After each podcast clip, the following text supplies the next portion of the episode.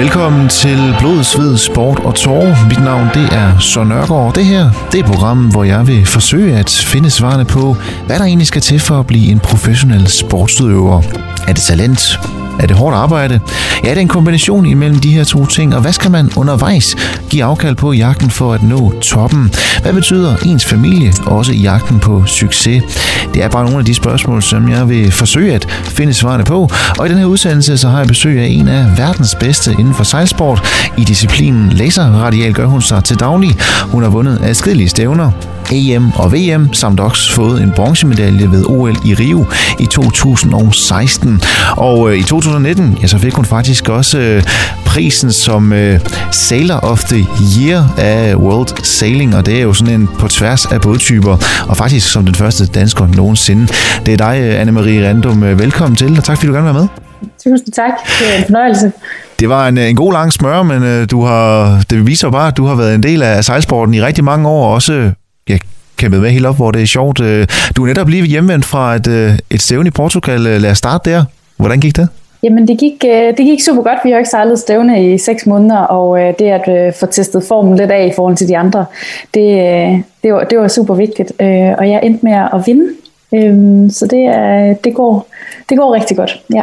Nu siger du selv det her med, at I har ikke været ude og, og konkurrere altså stævnemæssigt i, i et halvt års tid. Altså, Hvordan er det at gå i et halvt år bare træne, træne? Altså, hvordan holder man motivationen op i, i så lang en periode? Jeg ved godt, det er selvfølgelig på grund af corona, men, men stadigvæk. Det må, det må også mentalt være hårdt, tænker jeg. Ja, jo, det er det. Det er rigtig hårdt. Øh, vi har selvfølgelig haft nogle stævner undervejs, nogle små træningsstævner, hvor at øh, trænerne de har arrangeret det for os, men, men det er klart, at når det ikke er sådan officielt et stævne udad til, så, øh, så kan man aldrig være helt sikker på, om folk de giver sit bedste, og om de træner på nogle forskellige ting, og der er også nogen, der så tager de en sejlads i stedet for at sejle alle sejladserne, og sådan, så det er sådan lidt, øh, ja, det var specielt at sejle et fuldt stævne igen, og jeg kan også godt mærke, at jeg er ret træt fordi at det er jo seks dage, hvor vi er i gang, og vi sejler 12 salaser i alt. Øh, og det, at man ikke er, ligesom er inde i den rutine, øh, fordi det er seks måneder siden, øh, ja, det er, det er specielt, øh, men det er jo det, vi skal til OL, så det er jo ret vigtigt ligesom at gøre det.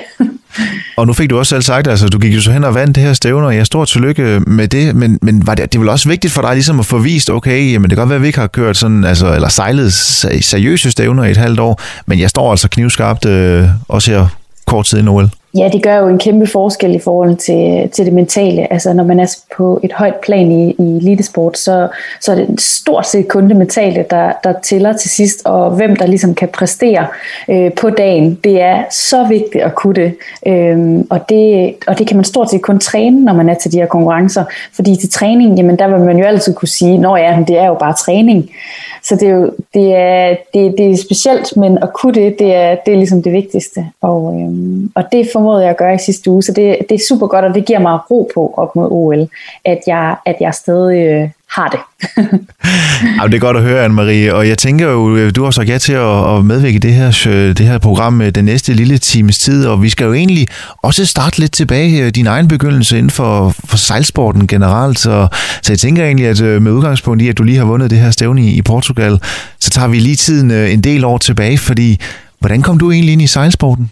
Jamen, jeg, øh, jeg startede, fordi min, min far og hele hans familie har, har altid sejlet, og øh, da vi flyttede til Horsens, øh, så begyndte min storsøster og storebror til sejlads, øh, og så kom jeg egentlig hurtigt ind i det også øh, på en sommerlejr, hvor jeg kan huske, at jeg, jeg fik lov til at sejle i en optimistjolle sammen med en anden, øh, og så, ja, så sejlede vi egentlig to i jollen i, øh, i en sæson, Øh, og så, øh, ja, og så, så, så endte jeg så med at sejle båden alene selvfølgelig, da jeg var omkring syv år eller sådan noget. Så det var, det var min far, der, der fik os til at sejle i familien. Som syvårig siger du, hvordan er det at sidde i en båd i, i så unge en alder og så øh, alene? Altså det er ret vildt, og jeg kan også huske de første par år egentlig. Der gik lang tid inden, at jeg blev helt komfortabel med det. Øhm, jeg kan huske, at jeg efter skole gik og kiggede på træerne udenfor og skulle se, om det blæste, fordi det var jo altid det der med, at hvis det blæste, så var det lidt vildt og sådan noget, så man ville gerne have, at det ikke blæste så meget. Øhm, og jeg kan også huske, at der var nogle gange, hvor jeg simpelthen ikke ville med ned på havnen, fordi uh, jeg synes, det blæste lidt for meget, og jeg kunne gå og have helt ondt i maven over det. Øhm, men det var altid, der var ikke på et eneste tidspunkt, hvor jeg fortrød, at jeg havde været dernede. Altså når jeg, når jeg kom derned på havnen, så mødte jeg jo alle mine kammerater og alle mine venner, som, øhm, som lidt havde de samme følelser som med at komme ud på vandet. Men når vi så endelig gjorde det, og man kom ind, så var man bare sindssygt stolt og kunne komme hjem og fortælle ens mor, hey, jeg har været på vandet, og det blæste, og der var store bølger og sådan noget. Øhm, så det har altid endt med at være nogle gode oplevelser. Nu siger du selv, at øh, du er ude af en sejlerfamilie, lyder det til, øh, men det er jo egentlig dine søsne, der sådan startede til det. Hvordan har det så været at komme ind i en sport, hvor man egentlig har haft jamen, hele familien med nærmest? Jamen det har jo helt klart været unikt. Altså man kan sige, at alle vores ferier har jo været sejlerferier. Øh, fra da jeg var lille, der, var, der tog vi jo på sommerferie til sådan for eksempel øh, Sverige og sådan noget. Øh, men så senere, så blev det jo, at vi tog afsted på, på ferie rundt omkring i verden, hvor at vi skulle konkurrere, enten i optimistjollen eller i europajollen. Øh, og mig og min storebror især har, har konkurreret til sindssygt mange stævner sammen. Øh, så det har jo været, det har været sådan helt familieforetagende. Ja, for jeg tænker, altså, man, man kan jo også, som man kan konkurrere mod hinanden, men man kan jo også som, som virkelig bruge hinanden, når man er afsted på de, øh, til de her stævner, som det så også blev til efterhånden, som, som årene er gået. Jamen helt sikkert. Jeg havde min, min storebror og storsøster at se op til. Min storsøster, hun stoppede rimelig tidligt, fordi hun ville gerne, være, hun ville gerne gå til svømning i stedet for. Øhm, men min bror, han, han fortsatte jo helt ind til, jamen for 4-5 år siden stoppede han, så vi har jo haft rigtig, rigtig mange år sammen, og øhm, også da vi begyndte at blive lidt ældre, der kørte vi jo også rundt sammen, så lånte vi jo bare bilen, og så var vi jo bare afsted alene, og sådan, så det, øh, ja, og jeg kan huske, at vi har jo, vi har jo været sådan noget, øh, hver påske, så er der et kæmpe stort stævne øh, i Italien på Gardasøen, og der var hele familien nede sådan 17 år i træk, tror jeg. Så det, det er helt vildt, men det er nogle sindssygt fede oplevelser, vi har fået sammen som familie. Øhm, jeg har jo tre søskende, så vi havde sådan en stor bil, øhm, som har kørt en million kilometer, øhm, inden at min far han skrottede den. så den har været vidt omkring. Men du starter i en ung alder, øh, kommer ind for, for sejlsporten, først i optimistjollen, men, men var der andre sportsgrene inden under, undervejs, som du også prøvede af, eller var det sådan rimelig hurtigt, øh, okay, det er, det er på vandet, jeg er bedst? Øh, nej, der var også øh, mange andre sportsgrene. Jeg kan både gå til gymnastik og til fodbold og til håndbold og til spider. Og der var, der var alle mulige, men jeg kan huske på et tidspunkt, øh, sådan, da sejladsen begynder at fylde mere og mere, og det er også de stævner, jeg vælger at tage til i weekenderne og sådan noget. Øh, og især svømning fyldte rigtig meget, men det at gå fra at skulle svømme mere end to gange om ugen, øh, det, øh, der, der, der stoppede svømning ligesom for mig. Så var det sejladsen, der vandt over, over de andre sportsgrene. Øh, men jeg tror også, at mine forældre har altid guidet os til at ligesom gå til mange forskellige ting, så at man øh, ja, holder sig i gang og er aktiv. Jeg tror, vi er en meget aktiv familie, eller vi er en meget, meget aktiv familie, så øh, ja, bare det at holde sig i gang, der var mine forældre egentlig, altså selvom at sejlsporten selvfølgelig altid har fyldt meget hos især min fars familie, så, så, øh, så var det ligesom op til os selv at vælge, hvad, hvad vi havde lyst til. Men, men var det så selvfølgelig glæden ved, ved, ved sejlsporten og det at være på vandet, der, der, der trak mest, men var det også igen, måske fordi du også havde familien, altså dine søstre, der også gik til den her sport, der ligesom gjorde, at det var den, du gik all in på, eller hvordan? Jamen, det har det helt klart været. Det var jo fordi, at det, det var jo hyggeligt at tage på de her øh, sommerferier og altså påskeferier. Øhm, så det er jo både på grund af familien, men jeg vil også sige, at det er lige så meget miljøet, der var i Horsens Sejlklub. Øhm, ja, for, hvad, hvad, hvad var det for et miljø, du kom ind til? Jamen, altså, jeg, jeg føler mig faktisk ret heldig, fordi vi har jo været, øh, da vi startede, der var omkring øh, seks piger på min alder, som alle øh, gav den lige så meget gas øh, med at komme på vandet. Øh, og fire af os øh, startede det her Horsens til OL-projekt, øh, som vi nok også kommer ind på lidt senere, øh, og, og kæmpede alle sammen for at kunne komme med til OL i Rio, så vi er faktisk Øh, lige siden vi var en øh, 5-6 år, har vi kendt hinanden og konkurreret mod hinanden. Og det miljø, jeg kom ind i der, øh, det, var, det var guld værd, og det var helt klart også det, der trak og gjorde, at jeg, at jeg valgte sejlsporten. Ja, for jeg tænker jo et eller andet sted, øh, man er jo selvfølgelig en del af en klub, men, men når man er ude på vandet, jeg ved godt, at man kan, man kan vælge øh, en, en type af konkurrence, hvor man er flere i båden, men du har så valgt en, hvor du egentlig er alene jo. Det er jo meget også en, en enkeltmandssport. Men, men hvordan, hvordan bruger man så hinanden, når man er i sådan en klub her? Øh? Jamen altså, men, men, men man deler jo viden imellem hinanden i forhold til, hvordan man skal få båden til at sejle stærkt. Øh, og det kan godt være, at man måske forestiller sig, at man er alene i båden, og man, man er jo også alene om at øh, skyde skylden på sig selv, hvis man laver nogle fejl og sådan nogle ting. Øh, men, men man kan jo godt snakke med folk ude på vandet. Øh, vi kan godt snakke sammen og ligge og snakke taktik for eksempel, eller hvordan får vi båden til at sejle stærkt og sådan noget. Og egentlig ret tidligt, vi havde en rigtig dygtig ungdomstræner, Nikolas Brandt Hansen, som, øh, som var rigtig god til at skabe det her her miljø i klubben, om at vi skulle hjælpe hinanden til at blive bedre. Øh, så skippermøder for eksempel, inden vi skulle ud og sejle, øh, for at snakke om, hvad, hvad kan vi gøre bedre, og hvordan kan vi være de dygtigste sejlere i verden, og Øhm, og lige så meget ude på vandet, hvor vi også, øh, man kan ligesom lægge sig op til gummibåden og så snakke sammen alle sammen. Og han var god til at lave, altså i en helt tidlig alder, øh, lave forskellige lege ude på vandet. Jeg kan huske, at vi lavede stikbold og sådan nogle forskellige ting. Og det kan man, det kan man sagtens, selvom at man er alene i båden. Så han var god til at som siger, skabe det rette miljø også, for, altså, hvor det stadig var, var sjov at lege, men også den seriøse træning, ikke? Jo, lige præcis, ja. Det var men, men, men nu, du starter jo stadigvæk i en, i en meget ung alder, 6-7 års alderen. Hvor, hvor, hvor meget træner man, når man er så ung? Er det en gang om ugen, eller altså... altså man kan sige, man, man opfatter det jo nok ikke som træning, og man, når man er de der 7-8 år. Altså, øh, det er jo mere det at komme på havnen, være udenfor. Altså, det er jo en udendørssport, og jeg, jeg kan slet ikke forestille mig at have valgt andet end en udendørssport nu. Øhm, fordi det er, altså, det var det fedeste at komme ned på havnen og snakke med alle de andre, og det kan godt være, at det ikke var øh, så sejladsen, der altid lige var i fokus. Det var lige så meget det der med at komme ned og hygge sig med, med de andre børn på havnen. Øhm, og øh, Ja, nu har jeg helt glemt, hvad spørgsmålet var. det var bare det her med, som du siger, altså, det, det, man så det jo ikke som træning, men altså, hvor mange gange var du nede i sejlklubben og, og, og også ude på vandet? Ja, jamen, øh, altså sejlads var to gange om ugen. Det var sådan mandag og onsdag aften. Øh, og så var der også tit spisning nede i klubben og sådan nogle ting. Øh, så man, det var ligesom sådan helt... Der var, en, der var sindssygt mange familier også dernede, der blev dernede. Og sådan. Øh, så det var så to gange om ugen. Og så ofte var der også øh, sådan en dags stævne i weekenden. Øh, jeg kan huske, et af mine yndlingsstævner, det var nede ved Vejle Fjord, hvor man øh, fik burger efter, at man kom ind for salas.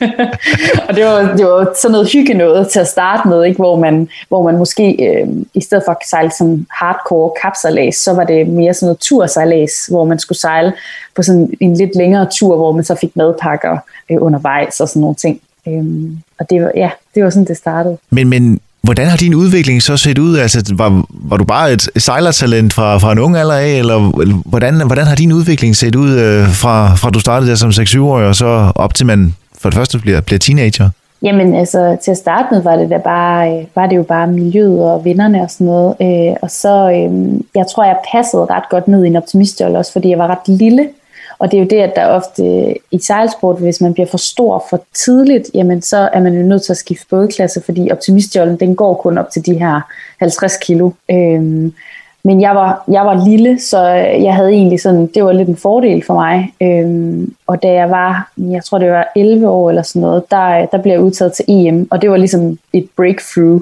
Øh, men før det var jeg ikke øh, var der ikke rigtig noget, der sådan indikerede på, at øh, jeg tror, mit første stævne, der blev jeg 11 eller sådan noget. Det var lige uden for dem, der fik præmier, for der var nemlig præmier til top 10, og der kan jeg huske, der var jeg godt nok ked af det, og tænkte, ej, øv, jeg vil også gerne have haft sådan en lille pokal der.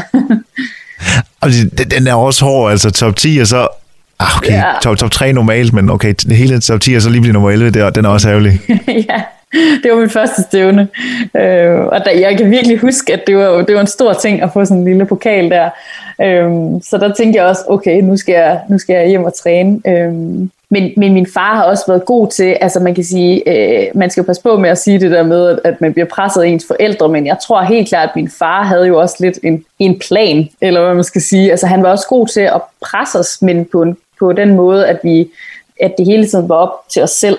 Øhm, men det er klart, der har jo været nogle gange, hvor jeg simpelthen ikke ville ud, fordi jeg var bange for, at det blæste for meget, hvor han sådan har måske presset lidt ekstra på, øh, men så har jeg jo også været glad for det efterfølgende, fordi så har jeg været super stolt over, at jeg har været ude i det vejr og sådan noget. Øhm, og det har nok også en af grundene til, at altså, at han var så ihærdig med ligesom at, at, at, at træningen egentlig skulle passes, eller, eller hvad man skal sige, altså at jeg, at jeg at jeg var lidt mere sådan, at jeg, ja, at jeg kom til træning, øhm, det gjorde, at jeg allerede i en tidlig alder ligesom også øh, var dygtig i forhold til, hvor gammel jeg var. Ja, og, så, om du siger, det, det udmyndter sig så, at i en alder som 11-årig, der blev du så udtaget til, til din første, hvad var det, landsholdssamling? Til, Eller, til EM, ja. Til EM, ja.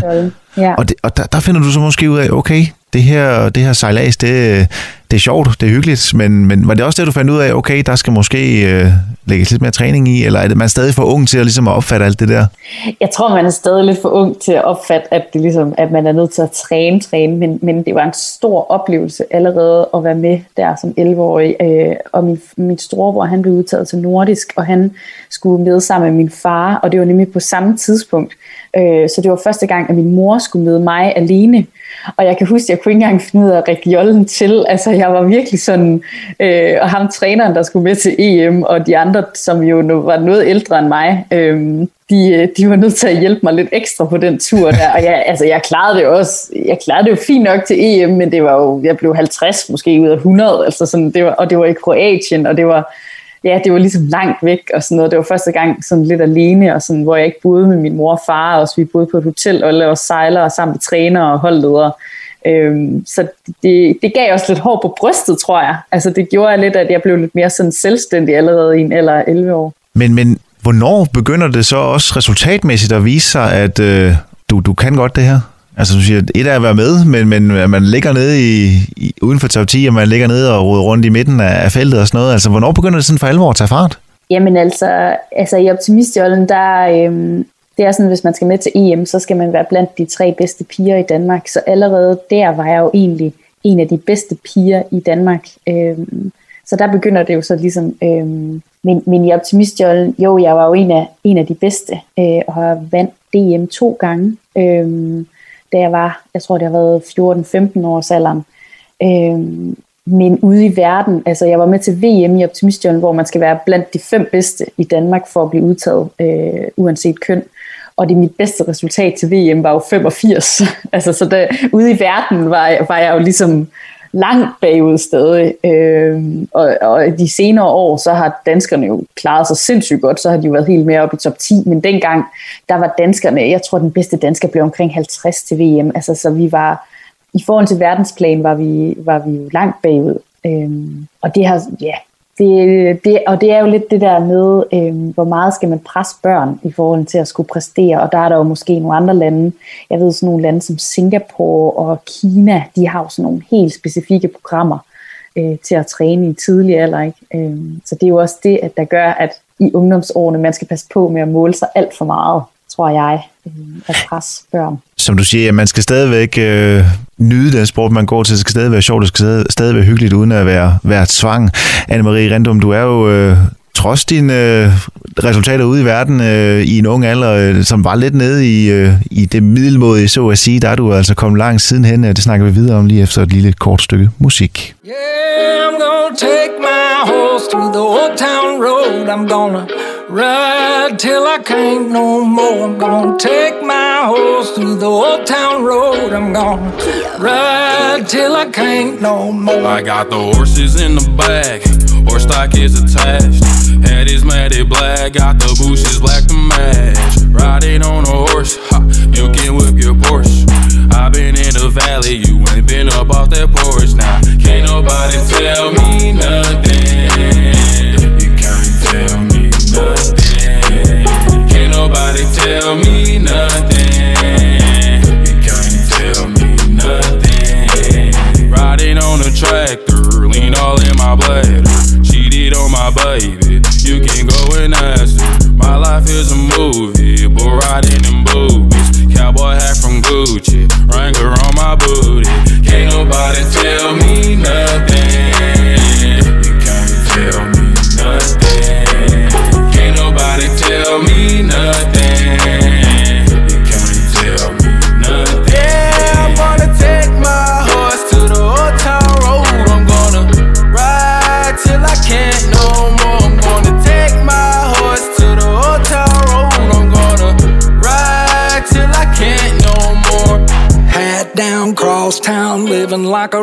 Star. Spend a lot of money on my brand new guitar. Baby's got a habit, diamond rings, and Fendi sports bras. Riding down Rodeo in my Maserati sports car. Got no stress, I've been through all that. I'm like a Marlboro man, so I keep going back. Wish I could roll on back to that old town road. I wanna ride till I can't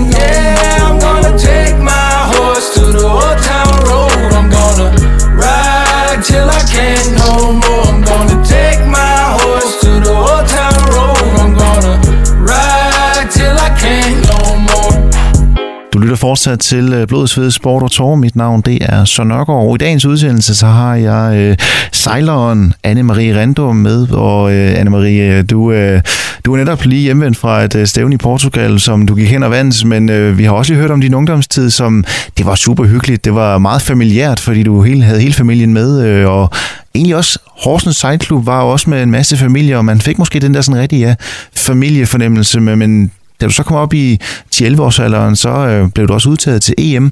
Men hvornår begynder du at finde ud af, at det her det er egentlig en sport, som jeg godt kan, altså kan, kan gå all in på, altså dø på, på elite-niveau? Jamen, den kommer nok i gymnasiet, øh, og, det, og det er lidt et valg, jeg har der, hvor at, øh, at jeg har mulighed for at tage gymnasiet på fire år øh, på Horsens Gymnasium. Og øh, min bror havde allerede gjort det, så det var lidt at følge hans øh, fodspor.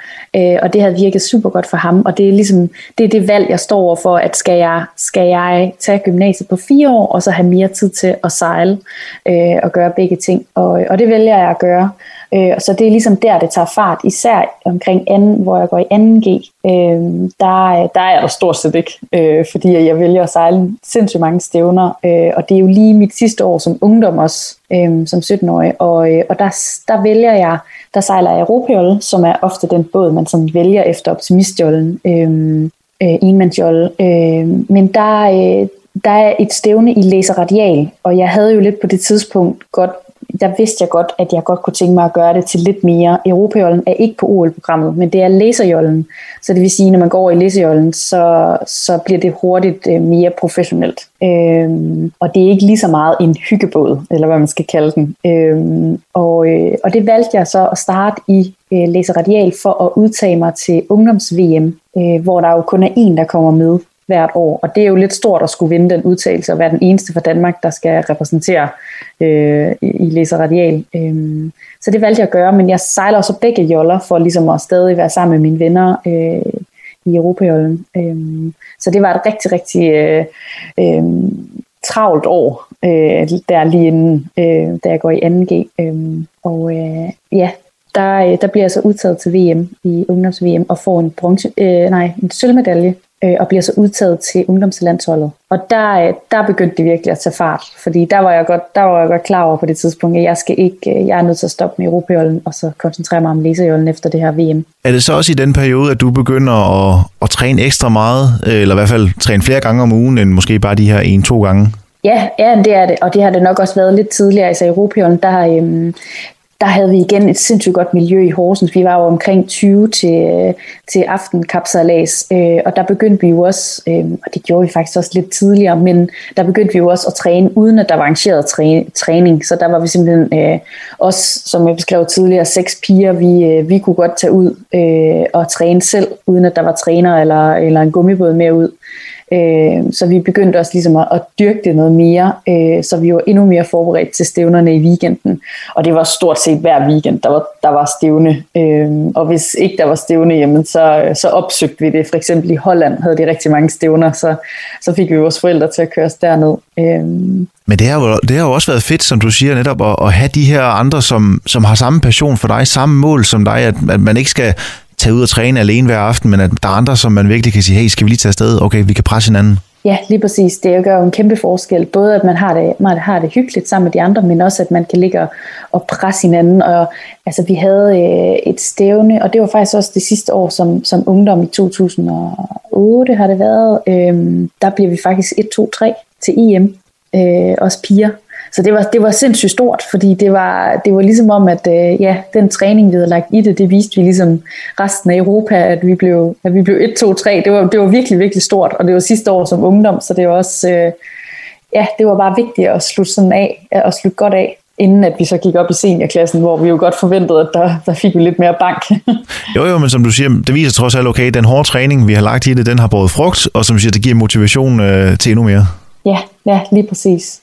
Øhm, og det, og det, jamen det, er, det er så vigtigt at opdage det i, i den alder, at jo mere træning man lægger i det. Og det omvendt så opdagede jeg jo så også i skolen på samme tid. Øh, det vil jeg da godt være ærlig at sige, at jeg lige pludselig ikke kunne det hele. Altså, jeg opdagede, at øh, jamen, det var svært for mig at være den bedste i sejlsport, samtidig med, at jeg fik topkarakter i gymnasiet. Og det var, det var faktisk altså, en kæmpe krise, fordi at øh, man kan sige, at alle mine skolekammerater, de de, øh, de koncentrerede sig udelukkende om skolen, ikke? så de var jo sindssygt godt forberedt til mandag morgen, ikke? men, men øh, det havde jeg ikke lige fået kigget på i løbet af weekenden, fordi der havde jeg jo sejlet, ikke? og så var jeg jo ikke så forberedt til at komme op til, til tavlen og lave et øh, matematikbevis. Øhm, så, så det var lidt, øh, der opdagede jeg bare, i hvert fald lidt, at man, jo mere man træner, eller jo mere man læser, jo, øh, det bærer også frugt. Altså hvis man lægger tid ind i noget, jamen så, så bliver man også god til det.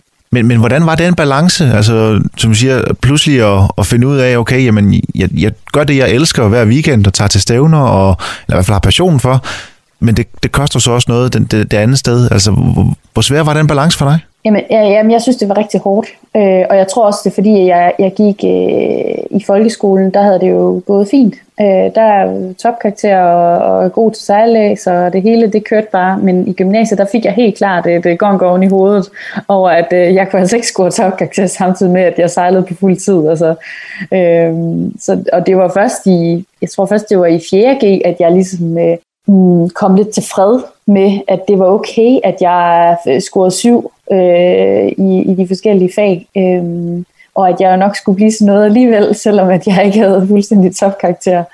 Øh, så det, det tog noget tid og mange tårer øh, at opdage det, at man ikke kan være god til det hele, og at man ikke kan nå det hele også.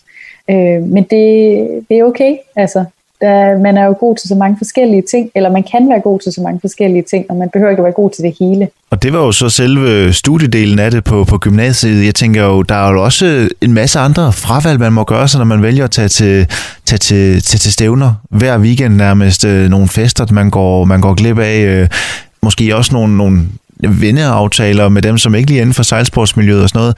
Altså, hvor, stor en overvejelse var det også for dig? Det her med, som siger, jamen okay, jeg kan ikke tage til gymnasiefest fredag, fordi jeg skal være til et stævn øh, et sted i Danmark eller i udlandet om lørdagen. Jamen, det var, det var helt klart også øh, hårdt. Øh, jeg kan huske, at øh, jeg tror næsten det hårdeste var, at man ligesom kom mandag morgen i skolen, og så havde man ikke været med til festen om fredagen, hvor man, så man var ikke helt med opdateret på snakken og sådan noget. Øhm, jeg havde heldigvis nogle gode veninder, som sådan var gode til også at, at spørge ind til, hvordan havde min weekend været. Men det, er, det var helt klart, øh, det, var, det var hårdt at skulle fravælge det nogle gange. Øh, og der var også altså jeg, der har også været nogle gange, hvor jeg så har valgt festen til, og så valgt sejladsen fra, så det var jo hele tiden den her balancegang. Øhm, og jeg kan huske, at mine forældre var også sådan lidt, det var kompromis med, at øh, man kunne godt være med til festen, men så, øh, så drak jeg bare ikke alkohol, øh, fordi jeg vidste, at jeg skulle op og præstere. Og så kan det godt være, at jeg var lidt træt, men i mindste, så, så havde jeg ikke drukket alkohol, så jeg kunne godt være med øh, dagen efter. Øhm, og så har mine forældre jo hjulpet mig sindssygt meget i forhold til, at så har de sørget for, at hvis der var en fest fredag, mm, så kan det godt være, at alle mine konkurrenter, de, øh, øh, de kørte allerede fredag eftermiddag. Men så for at jeg kunne være med til festen, jamen, så stod min far tidligt op, og så kørte vi til Sjælland, eller hvor vi nu skulle hen, der tidlig lørdag morgen, så jeg kunne nå starten. Og det, øh, det er jeg jo mega taknemmelig for, fordi de hjalp jo til, at jeg, at jeg godt sådan nogenlunde kunne gøre det, det hele, eller i hvert fald prøve på at være med til det hele. Altså man kunne være lidt, man kunne være lidt i begge, begge steder også, øh, selvom at øh, selvfølgelig, som siger, man kunne så ikke drikke alkohol, men altså det er jo bare, man var stadig en del af, af festen, ikke? Ja. Jeg kunne egentlig også godt tænke mig, for nu siger du også, din, din bror har jo egentlig også været med øh, inden over sejladsen i, godt nok for ham selv jo, men, men, men også indtil for, for ganske kort tid siden. Men, men da du ligesom meddeler også øh, dine forældre, at du, du vil egentlig også gerne gå ind på den her sejlsport, er der stadig der fuld opbakning, eller er det også sådan stadigvæk, altså, hov, der skal også lige noget uddannelse til, øh, og så videre, eller, eller er der fuld opbakning? Øh, altså, der har helt klart altid været fuld opbakning til det, øh, men mine forældre har selvfølgelig også haft nogle mål, især min far har jo også haft nogle mål for, at, at øh, jeg ville jo også gerne selv gå i gymnasiet, og ligesom også øh, senere på universitetet og sådan noget, men de er, han har da helt klart også pressede mig i en, i en retning, hvor at, øh, han også gerne vil have, at jeg tog en uddannelse, og at sejladsen ikke skal fylde for meget. Øh, men det har mine forældre jo begge to været gode til, at min mor er nok lidt mere den bløde type, at jeg skulle gøre det, jeg havde lyst til, hvor min far har været lidt mere sådan, presset lidt mere igennem i forhold til, til uddannelse og sådan nogle ting. Øh, og det tror jeg egentlig har været en meget god kombination til, at man skal lytte til sin kreative, øh, hvad skal man sige, øh, øh, lidt mere sådan lystpræget, men der er også, øh, det er måske meget godt at have en uddannelse at falde tilbage på øh, i forhold til sport. Så, så det har egentlig været en meget god balance, men jeg tror også, det var også meget i det miljø, jeg var i, der alle folk tog gymnasiet, og det var ligesom, det var ligesom den vej, man gik, skulle på universitetet bagefter og sådan noget. Og det kan man jo så sige bagefter, var det den rigtige vej? Mm, det er det nok, fordi det er jo gået meget godt, men øhm, der er nok også alle mulige andre veje, man kunne have taget. Og så handler det også igen, hvad er man, hvem er man som, som type? Altså, man skal kunne håndtere det hele, jo, sådan, så det ikke, som siger, går, altså fordi man gør noget det ene sted, så skal det ikke gå ud over noget det andet sted, altså som man skal kunne forene sig i det hele, ikke? Jo, lige præcis, og det er jo, det er jo super vigtigt, altså især der i 2. 3. G, der, der, havde, der var der godt nok nogle bump på vejen, ikke? Også hvor øh, der var virkelig nogle store ting, man ikke kunne være med til, og fyldt sig læsen nu for meget, og det kan jeg også huske, det var en stor dialog mellem mine forældre, altså fyldt sig læsen for meget, går den ud over for meget over hendes øh, sådan sociale liv i gymnasiet, men også ud over hendes karakterer, og og, og sådan nogle ting. Øhm, og det, øh, ja, det, der, det har helt klart ikke bare været smooth, altså hele vejen igennem. Det har også været øh, nogle store dilemmaer nogle gange. Hvad er der egentlig bedst her? Men øh, du fik jo gennemført gymnasiet, og du er også i gang nu med, med, en, øh, med en uddannelse på universitetet, noget idræt og sundhed øh, på deltid. Hvad, hvad, hvad giver det dig at have det her ved siden af dit stadigvæk, at du dyrker idræt på elitemiljø, du stadigvæk har en uddannelse ved siden af også at kunne, kunne fordybe dig i, når, når tiden tager til det? Jamen, efter gymnasiet, der havde jeg tre øh, sabbatår, eller to, to sabbatår, øh, hvor at, øh, jeg gik nemlig ud af gymnasiet i 2011, og der vidste jeg, at jeg kunne godt tænke mig at give det en shot med at kunne komme til OL i London. Øh, og der, der, der gjorde jeg det så bare fuld tid. Øh, men jeg vidste så også, at efter OL i London, at, at jeg nok på et tidspunkt gerne ville på universitetet og studere. Øh, og der har idræt især vist mig, at det er, en, det er jo en uddannelse, hvor de første to år er det meget praktik også øh, hvor der er sådan mange praktiske fag, og det har egentlig været en rigtig god kombination, øh, og ikke kun at skulle sidde på skolebænken, men når man har krudt i røven, så er det også fedt at ligesom, øh, kunne komme op og være aktiv.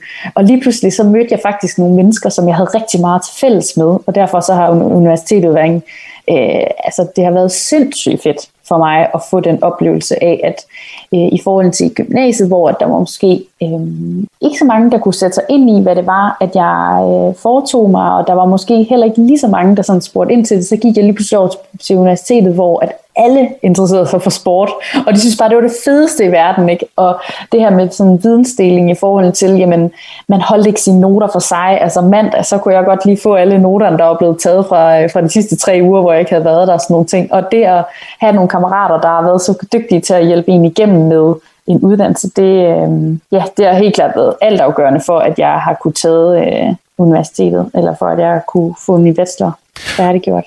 Og Anne-Marie, du øh, har sagt, at øh, efter du blev student i 2011, så var det all in på øh, OL, men øh, jeg tænker også, der har været nogle øh, også sportslige nedture undervejs. Det kan man næsten ikke komme udenom. Det snakker vi videre om lige efter et kort stykke musik. I'm not forgetting where I'm coming from But I won't forget where I'm going I work too hard for me to not go on You don't know what it's like where I'm from Huh. Amen. Amen. Used to be the young one, now turned to a grown man. I just gotta put up for my soldiers, falling. Gotta run to it when I hear that money calling. Stand up, can't be a little ass kid about shit no more. Got man up. Ain't about you at the end of the day, got things you gotta handle. When they ask me why I go so hard, I blame that on where I came from. Pittsburgh, when it come to niggas, I'm the realest version. Smoke good, man, it's KK, you should see in person. Niggas hate when you come up and the shit disturbing. So much in my bank account made a nigga nervous. Like what I'm gonna do with all that. Go hard and never fall back, try and maintain. Focus on having good habits. If it worked once, do the same thing. Pave the way for the people coming up after me to take the same lane. Been the same way since I came in the game, and a nigga ain't changed, man. I'm not forgetting where I'm coming from. But I won't forget where I'm going. I work too hard for me to not go on. You don't know what it's like where I'm from.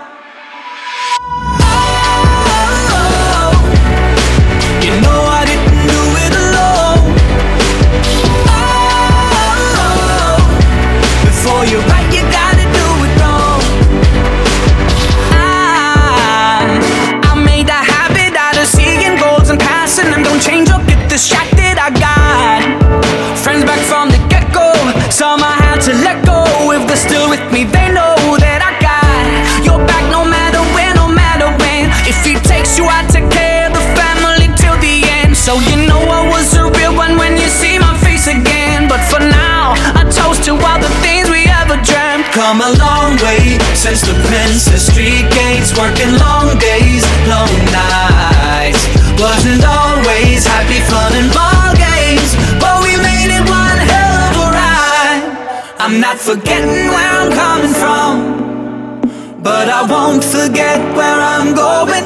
I work too hard for me to not go on. You don't know what it's like where I'm from.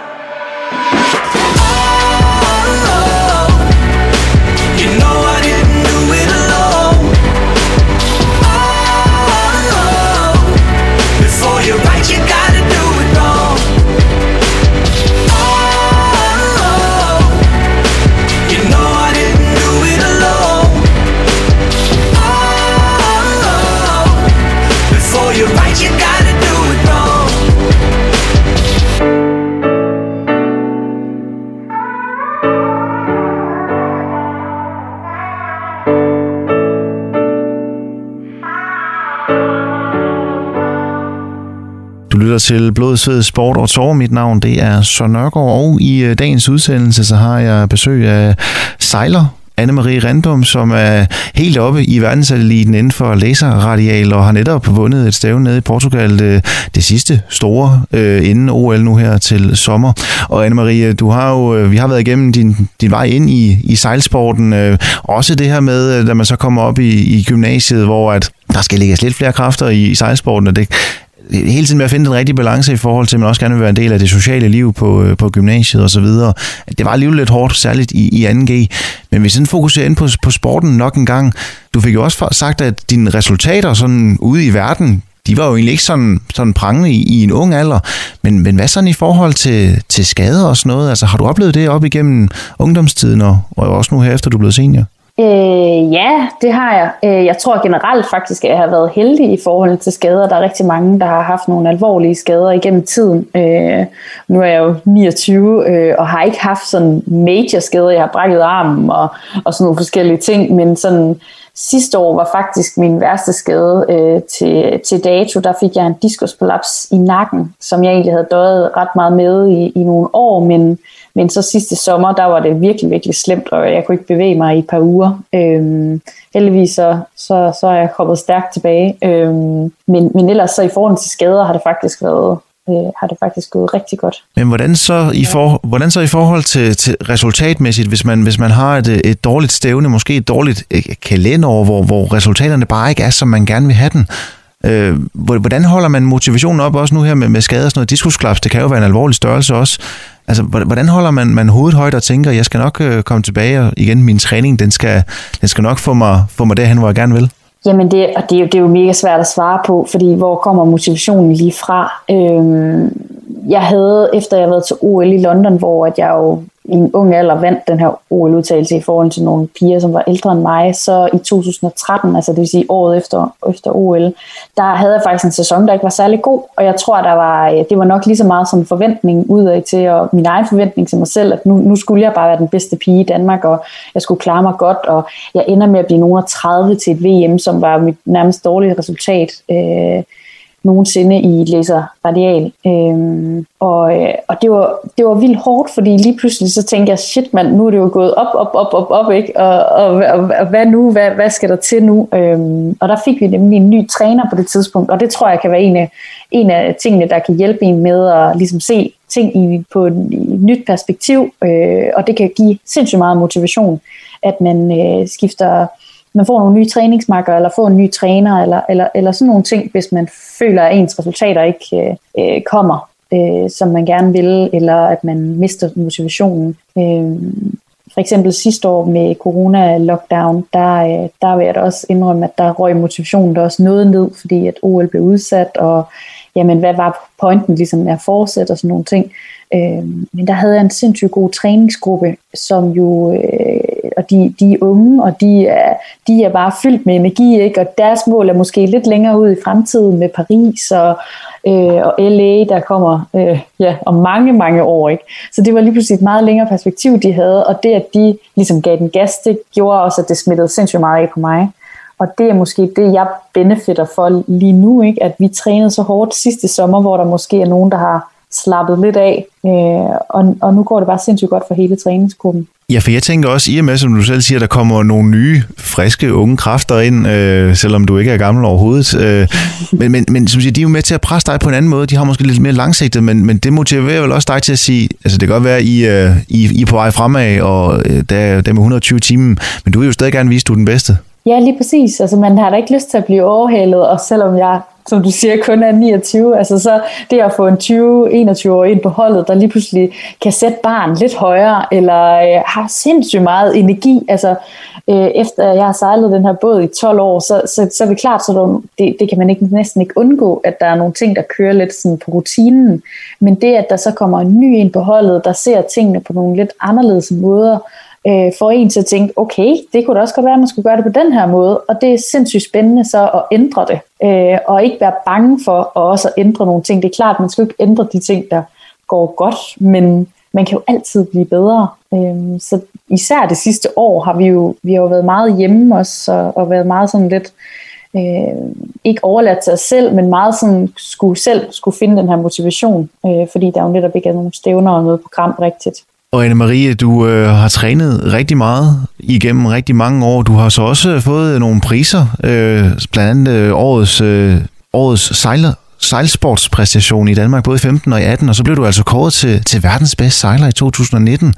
Kan du lige prøve, øh, jeg ved godt, man er måske ikke så meget for, for at snakke for meget om sig selv, men altså at modtage de her priser, måske især den her i 2019, som, som verdens bedste sejler, der må man virkelig stå og tænke, okay, nu, nu er jeg på toppen af min karriere, eller hvordan, øh, hvordan har man det der? Øh, ja, det tror jeg da helt klart, jeg har tænkt der i 2019. Det var, øh, det var virkelig, virkelig øh, et godt år. Vi sejlede jo ja, seks stævner, og jeg vandt fem af dem og blev to i det sidste. Øh, og det, ja, det var, det var som om, at alle brikkerne ligesom faldt lidt på plads. Øh, I sejlsport, det er jo en, en sportsgren, der tager lang tid at blive god, god i. Øh, fordi at det kræver så meget sådan erfaring også, som man ikke bare lige kan få. Øh, så det er jo både fysikken selvfølgelig, men, men også lige så meget erfaringen.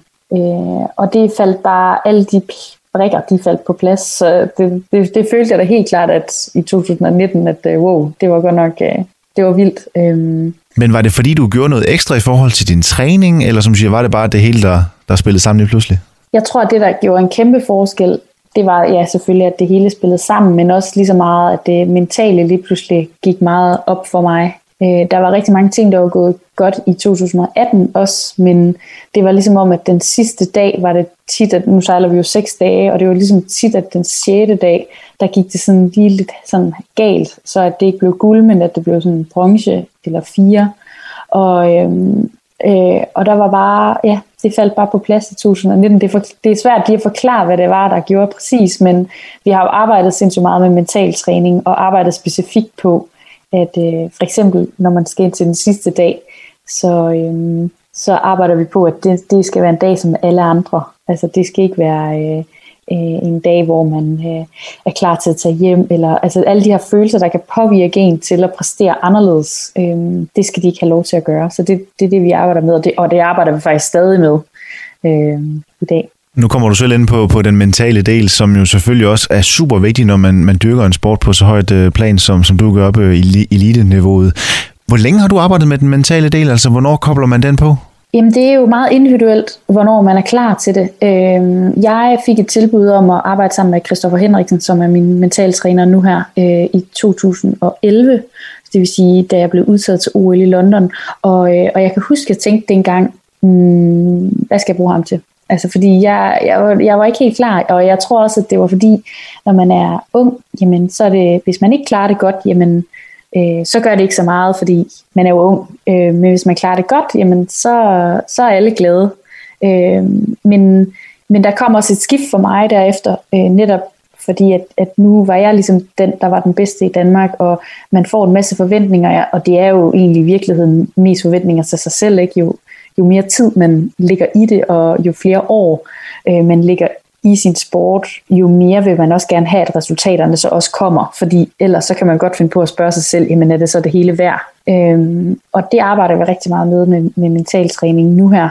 Og øhm, ja, så det gik nok op for mig der, øh, men der har jo været sådan noget 22, 21, 22, Øh, så, men jeg tror, det er meget individuelt, hvornår man skal begynde at arbejde med, med det mentale, men, men jeg tror nærmest tidligere end, end senere.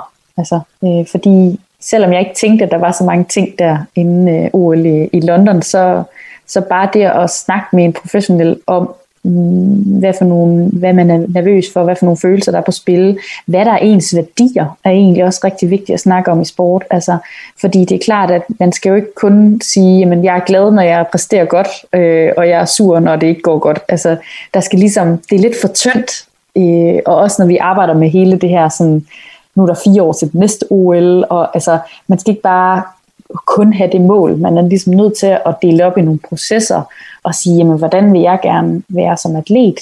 Øh, jeg vil gerne, man kan for eksempel spørge sig selv om, hvad, hvad vil man gerne have, at nogen siger i en tale, efter man har vundet et stort mesterskab? Øh, man vil måske gerne sige, at hey, hun var modig til at tage hendes beslutninger, hun var øh, respekteret af de andre øh, sejlere. Altså sådan nogle ting, det er i virkeligheden meget vigtigere, end at stå øverst på skammen. Men du, nu siger du selv, altså egentlig hellere få koblet, eller fokus på det mentale jo yngre end, end, end jo for, en for gammel, øh, så at sige. Men, men det handler vel også om, at det skal heller ikke komme på for tidligt, fordi man skal jo stadigvæk, når man er i ungdomsårene, tænker jeg, som kun har øh, dykket på meget amatørniveau, øh, der skal man jo stadigvæk bare, altså der skal det være glæden, der dyrker, men det er jo, som du siger, måske det, når man står til at skal bryde igennem til det mentale, altså hvor man virkelig kan få få, få, få sat rammen for, jamen, hvad, hvad kræver det virkelig, når okay, nu er du kommet hertil, hvad er det så, som du siger, du kan godt lægge så meget træning i det, men hvad er det så også den mentale, du skal have fokus på? Jamen, jeg tror altså, når man, man arbejder jo lidt på en anden måde med det mentale, når man er yngre. Øh, men det er jo lige så meget det der med at, sådan at, og minde sig selv om, at det er glæden, ja, og at man får styr på ens, hvad, hvad er værdien i det her for mig. Og det kan man sagtens gøre, når man er, er ung. Øh, og, og selvom man er lad os sige 15 år, så er man jo stadig nervøs, når man går ind til et stævne. Og bare det at kunne sætte ord på, hvad er det for nogle følelser, man har, og øve sig i, at de følelser ikke påvirker en i, hvad for nogle beslutninger, man tager ude på vandet. Men det er klart, at man skal også have en vis alder til, at man... Mm, øh, der er så mange andre faktorer, man også skal være god til jo. Øh, og det, det fylder jo rigtig, rigtig meget øh, i de første par år. Så, så det bliver, ja, jo mere, øh, hvad skal man sige, teknik, taktik, øh, den fysiske form, det kører jo mere og mere på rutinen, og det bliver man bedre og bedre til, så alle stort set har det samme niveau, men, og så bygger man ligesom ovenpå i forhold til det mentale. Og lige nu der tænker jeg, at du er mentalt super ovenpå, ovenpå øh, sådan en sejr hernede i Portugal, og dit næste blik, det må næsten være rettet mod, øh, mod OL i Tokyo nu her til sommer. Anne-Marie, det er noget af det, vi snakker videre om lige efter et stykke musik. Think I forgot to breathe? Did you forget my name? I wrote your symphonies, they all just sound the same. Don't know what I believe in, cause I just kept moving on. Said I should take a seat. I know where I came from. I got new love, loving me. I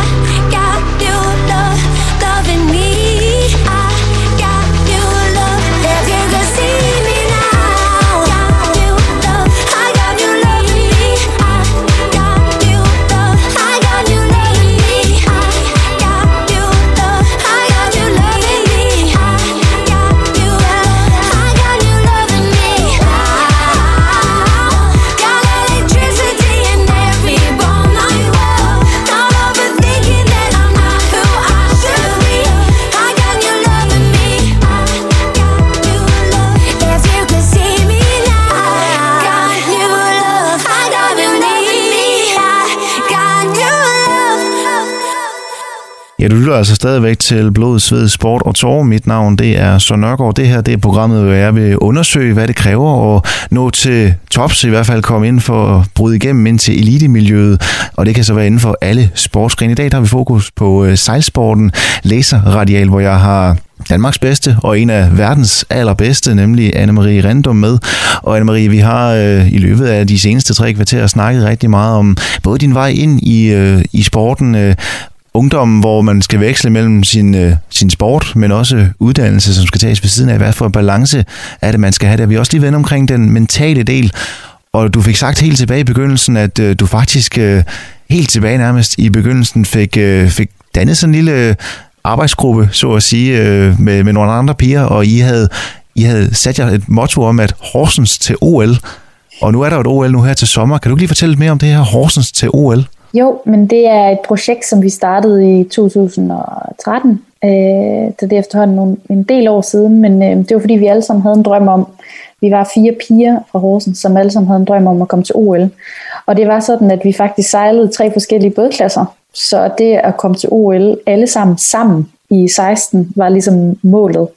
Øh, og øh, i stedet for så at øh, gå ud og, og, og spørge forskellige virksomheder, om de, kunne lyst til at, om de havde lyst til at støtte os økonomisk, så lavede vi sådan lidt mere en koordineret øh, indsats, øh, fordi vi jo vi kunne alle sammen komme afsted, så vi var ikke hinandens konkurrenter på den måde, men også lige så meget det at hjælpe hinanden med at finde på nye idéer til, hvordan kan vi skabe en værdi for virksomheder. Øh, og det er faktisk rigtig svært i sejlsport, fordi det er jo en lille sportsgren, og der er ikke så meget eksponering, øh, men til gengæld så øh, kan det godt lade sig gøre, hvis man virkelig gerne vil. Øhm, og, og det gjorde vi så der, øhm, og fik faktisk skaffet, så vi havde nok økonomi til at køre en OL-kampagne, alle os i hver vores bådklasse. Øhm, og i 16, der var vi to piger, der kom med.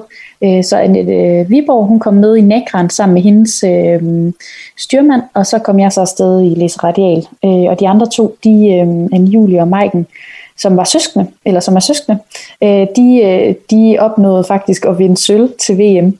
Så det var jo kæmpestort for Horsens øh, at få de her medaljer med hjem. Øhm, og øh, efterfølgende så op mod OL i, i Tokyo, så, øh, så var vi tre piger, der fortsat. Øh, og desværre så blev de så ikke øh, udtaget, de andre to piger, men fik stadig nogle sindssygt gode internationale resultater. Øhm, så, så det hele det her Horsens til OL-projekt er egentlig lidt mere sådan et koordineret sponsorprojekt. Øh, og der er lige kommet to nye øh, drenge med, som går efter OL i Paris. Så det er, det er super fedt, at, øh, at det ligesom også kan ja, det er jo, det er jo projekt, der også er kendt mellem de unge i Horsens Sejlklub nu også, og jeg håber da, at det kan køre videre i mange, mange år. Ja, fordi hvordan er det at have, have haft det her projekt, altså man har fået sat Horsens på, på landkortet, men jo også på, på verdenskortet, fordi jeg kan jo se, når du er ude og, og, og, og konkurrere, så står der jo også lige Horsens 2 på, på båden. Jamen det er jo det er jo rigtig skønt at have så meget opbakning for ens hjemklub. Øh, jeg startede jo, da jeg var fem år, ikke? og at de stadig er med næsten efter, efter 25 år, det er altså virkelig unikt. Øh, og det kan jeg også se, når hvis jeg vinder et stort stævne, så er der jo kæmpe opbakning øh, nede i sejlklubben. Og ja, ja, man kan sige, at ja, det at have den sådan, tilknytning til en, til en klub, det er, det er virkelig unikt. Øhm, altså indtil, indtil Rio har vi jo været os fire piger på landsholdet ud af 11, og at vi så fire piger kommer fra Horsens, det er jo, det er jo sindssygt. Altså det er jo halvdelen af sejlerne på landsholdet, der kommer fra Horsens, ikke? Og det er virkelig også blevet bemærket øh, rundt omkring i Danmark og i verden, at øh, hvem er det her, hvad er det her for et projekt, der hedder Horsens til OL? Og det bliver, det bliver jo sådan helt varm indeni, altså jeg er med til at starte noget, der er så, der er så unikt, øh, og at der kommer så mange dygtige sejlere fra Horsens, det er virkelig, virkelig stort. Det er et rent uh, talent, man kan, kan, kan jo godt høre jo. Anne-Marie, jeg tænker også, nu er du igen, du er ikke gammel, du er 29 år, du er du har stadig mange år endnu, øh, hvis du vil. Øh, men, men, men er du alligevel også, altså nu siger du, der er kommet nogle mange unge i start 20'erne ind også, øh, og, og kæmper med, og også med til at presse dig, og kan måske også lære dig noget nyt. Se, altså, hvordan, hvordan ser du egentlig på dig selv, når du er til træning? Altså, er man det her forbillede nu, eller er man bare en del af, af gruppen? Fordi igen, du jagter jo også stadigvæk topplaceringerne. Men er man, er, man, er, man, er man blevet mere bevidst over de resultater, man har lavet med, med årene, og måske skal, skal lære fra sig?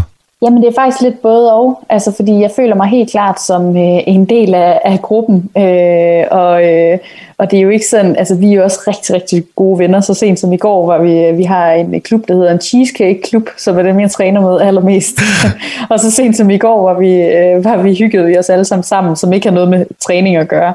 Så jeg ser helt klart, at det er jo nogle af mine allerbedste venner, øh, men selvfølgelig så har jeg jo også lidt en rolle, og, må, og måske også føler jeg lidt et ansvar for, at det ligesom er dem, der skal tage over. Og jeg vil også rigtig, rigtig gerne lære så meget frem som muligt, så de kommer hurtigt op på niveau. Også fordi det har jo en fordel for mig, at hvis de er dygtige, jamen, så bliver jeg jo nødt til at være endnu dygtigere. Og det er jo, jeg vil nok også sige, at det er det, der er sket her, især det sidste år, hvor vi har haft så meget tid sammen, at de har, de har virkelig givet den gas, og det har så gjort, at, at jeg skulle også op mig øh, som, som jeg så kan se på mine resultater nu, at der er også sket, der er også sket noget i forhold til mig, fordi jeg, når man er på et højt niveau, er det jo mega svært at have de her sådan aha-oplevelser til træning. Øh, og, øh, og dem skal man virkelig lede længe efter, men det kan jeg jo se nu øh, over for mine konkurrenter i udlandet, at der er helt klart også sket noget med min udvikling. Øh, så jeg tror, ja, det er både og. Altså, jeg prøver virkelig at lære fra mig så meget som muligt, men, til gengæld, men, men selvfølgelig så, så skal jeg jo også passe min egen træning. Så det er sådan lidt en balancegang. Og hvor ofte træner du egentlig i dag? Hver dag. Det er hver dag. Og, og hvor, hvor, hvor mange timer lægger du i det hver dag? Ja, lidt forskelligt. Øh, I den her uge for eksempel, når vi lige har sejlet et stort, stort stævne, jamen så, så er det måske kun en halv dag. Øh, det er måske en to-tre timers træning. Øh, men normalt er det jo to gange om, to gange om dagen, ikke? så det er ofte, at vi sejler i måske to til tre timer, og så, øh, så har vi enten et styrkepas eller eller øh, et cardiopas, øh, og så er der jo ofte evalueringer og øh, analysering af video og så videre.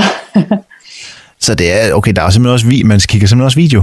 Ja, det kigger vi rigtig meget på. Ja, det gør vi. Så øhm, for eksempel til sidste stævne nu fra sidste uge, der har de jo optaget alle sejladserne. Så dem prøver jeg at sidde og kigge igennem nu for, for at finde ud af, om der er nogle ting, øh, som jeg kan gøre bedre. Og ellers så er det jo, så optager min træner, han optager jo træningen, når vi er på vandet. Og så sidder vi og kigger på, hvordan vi kan gøre det bedre. Jamen, så kan jeg godt høre, at det er ikke sådan at skulle øh, være på elite-niveau. Det kræver i rigtig hård træning også. Anne-Marie, her til allersidst, vi har været lidt inde på det, altså den her, som du siger, du, du har stadig, ja, du er stadig bevidst om, du har en eller anden form for ansvar øh, grundet dine resultater og sådan noget, vi gerne give videre til, til de unge og sådan noget. Men hvis du her til allersidst skal give sådan et, et råd til, til unge, og nu tænker jeg måske de, de helt unge, dem der er jamen, 10-11 teenageårene, hvis de nu øh, lige har fået øjnene op for, for noget sejlads, om det er så laserradial, eller hvad det er, øh, som de øh, er blevet inspireret af, hvad, hvad vil dit råd så være til de unge, som er på vej ind i, i sporten? Mm, jamen altså, det, det er jo svært lige at give præcis et råd, men hvis jeg tænker tilbage på det, så, så vil jeg sige, øh, nyd det. Øh, det er en udendørssport. Øh, det, er, det, er det, det er det fedeste at være på vandet og få den oplevelse af, at man er fri, og man kan være væk fra øh, hverdagens stress og jag, når man er ude på vandet. Man er ligesom væk fra det, og man, det er den bedste måde at koble af på, på en eller anden måde. Så det, at man ja, kan virkelig nyde, at det er en udendørssport, og være sammen med ens venner på en anden måde, end man er inde i en hal, for eksempel. Øhm, ja. Jeg synes jo, det siger det rigtig godt. Lige præcis. Nyd det. At du er både udenfor, men også kan komme lidt væk fra det hele og nyde den sport, som du egentlig brænder rigtig meget for. Anne-Marie, jeg vil sige mange tak, fordi du var med øh, i den her udsendelse, og så rigtig meget held og lykke frem mod OL og til OL i Tokyo her til sommer. Tak fordi du var med. Tusind tak. Tak fordi jeg måtte være med.